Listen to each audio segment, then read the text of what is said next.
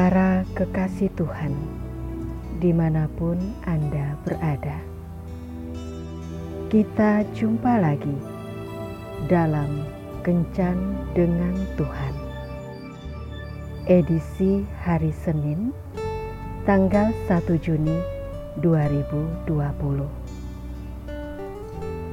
Dalam kencan kita kali ini, kita akan merenungkan bacaan dari kitab Kejadian bab 2 ayat 18.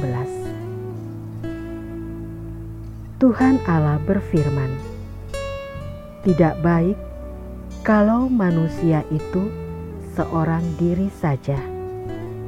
Aku akan menjadikan penolong baginya."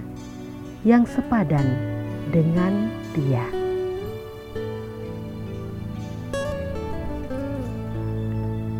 Ketika saya mengumumkan bahwa sekolah akan membuat pohon Natal dari botol air mineral bekas, maka para murid-murid pun begitu antusias untuk mengumpulkan botol-botol dalam berbagai merek.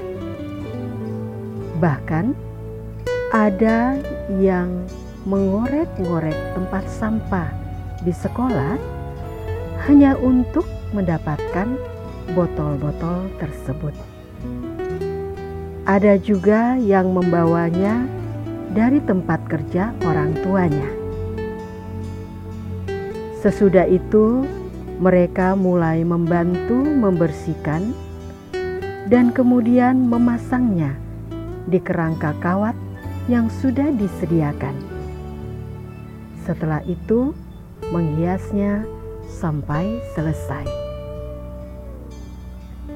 Kita tidak bisa bekerja sendirian.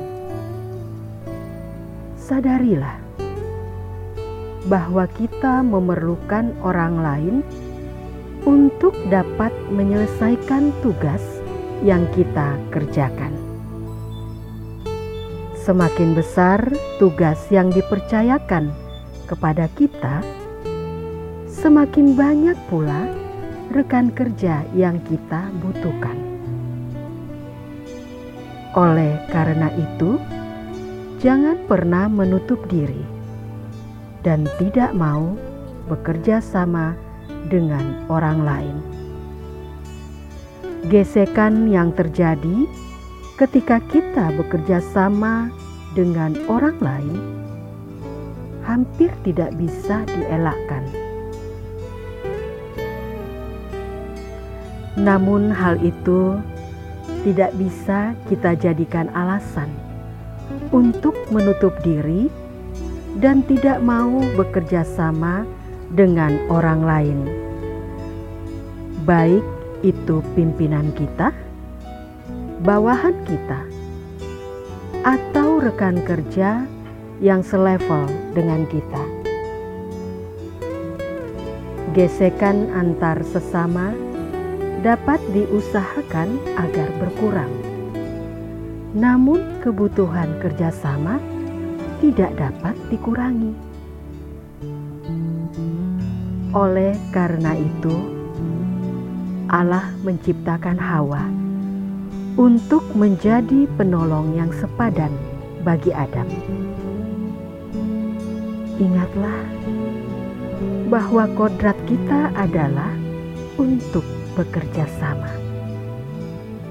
Bagaikan tangan yang membutuhkan kaki, kaki yang membutuhkan mata, mata yang membutuhkan telinga, dan seterusnya kerjasama akan mendatangkan hasil yang maksimal. Tuhan Yesus memberkati. Marilah berdoa. Tuhan Yesus, ampunilah aku selama ini. Aku menganggap bahwa hasil pekerjaankulah yang paling sempurna Aku lupa bahwa di balik kesempurnaan itu ada tangan-tangan lain yang telah bekerja keras untuk membantu aku.